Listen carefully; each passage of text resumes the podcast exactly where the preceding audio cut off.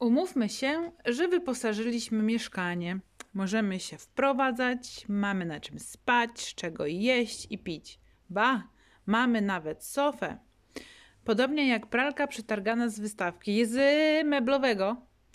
Sofa jest zielona, dwuosobowa i dodaje świeżości skandynawskiemu wystrojowi wnętrza. Mamy tylko nadzieję, że nie ma w niej ukrytego gniazda karaluchów, bo nie jesteśmy gotowi na nieproszonych gości i zresztą nie byłoby ich czym ugościć, bo lodówka pusta. Powiem więcej, lodówki jeszcze nie nabyliśmy na drodze kupna. Z opresji wy, e, wybawiła nas lodówka barowa, wyszukana na Gumtree. No dobra. Nagadałam się o tym meblowaniu. Może dzisiaj zrobimy sobie spacer. Taki wolny spacer po naszym zacnym centrum. Żeby przewietrzyć głowę i poznać trochę lokalsów z dzielni, no to zaczynamy. No więc główną atrakcją, centrum handlowym, deptakiem, domem kultury w naszej dzielni jest jedna, jedyna prosta jak drut ulica. Jak na takiej grze planszowej zaczniemy zwiedzać od punktu start, którym jest stacja kolejowa. To tutaj zaczyna się cała przygoda. Powiedzmy, że wracam z miasta, z centrum, z downtown, transportem publicznym.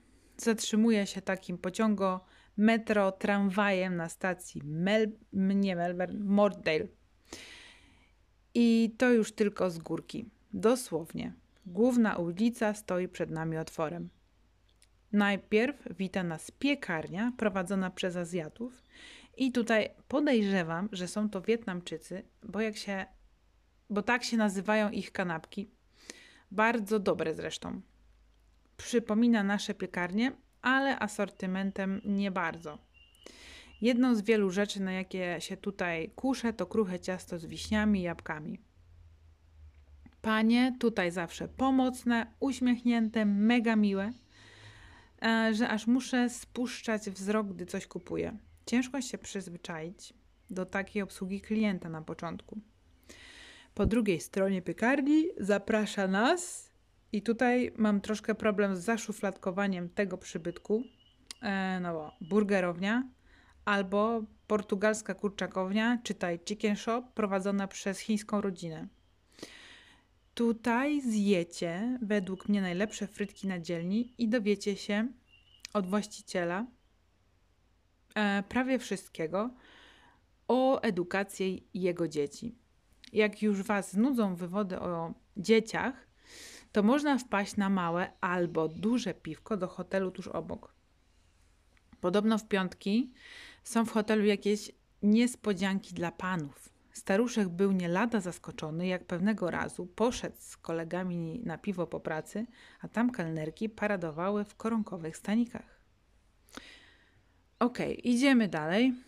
Mijamy wieczną kolejkę do najmodniejszego męskiego fryzjera w okolicy. Panowie robią się tutaj na bóstwa.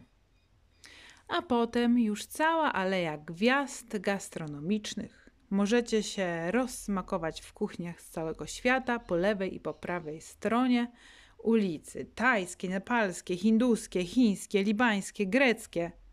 Kebaby, tosty, kanapki, pizze i znowu chicken shop i fish and chips przeplatane z kioskiem, a pocztą, optykiem, sklepem za 5 zł.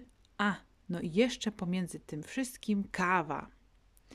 Kawa jest na co trzecim kroku. Kawiarnie, duże, małe, okienka z kawą, kawa w piekarni, kawa w bułce z jajkiem, kawa z Kolumbii, z Włoch, kawa na siedząco, na stojąco. Czego dusza zapragnie. Jest tych kawowych miejsc wzdłuż tej jednej ulicy chyba z dziesięć. Na tyle restauracji, jadłodajni i kawopojów i chicken shopów są dwa warzywniaki, jeden supermarket i mięsny. No nie masz czym poszaleć. Ale za to zakupy robi się szybko, bo nie ma w czym wybierać. Są jabłka albo jabłka. Tutaj chleb i tam chleb. Jajka tak samo pakowane i w jednym, i w drugim sklepie. Potem mamy kolejne restauracje, troszkę gabinetów lekarskich i potem jeszcze więcej gabinetów i paznokcie i fryzjer znowu. I najciekawsza i najruchliwsza um, ulica w dzielni się kończy. A pod koniec spaceru ze, stac ze stacji, jak już zacznie Was dopadać pragnienie, to możecie wpaść do monopolowego z opcją drive-thru i nabyć na drodze kupna prawie wszystko, co dusza zapragnie. I za monopolowym skręcam w lewo w moją uliczkę i już prawie jestem w domu. To był podcast Agata Żak, a to był odcinek w tempie spacerowym o naszej dzielni.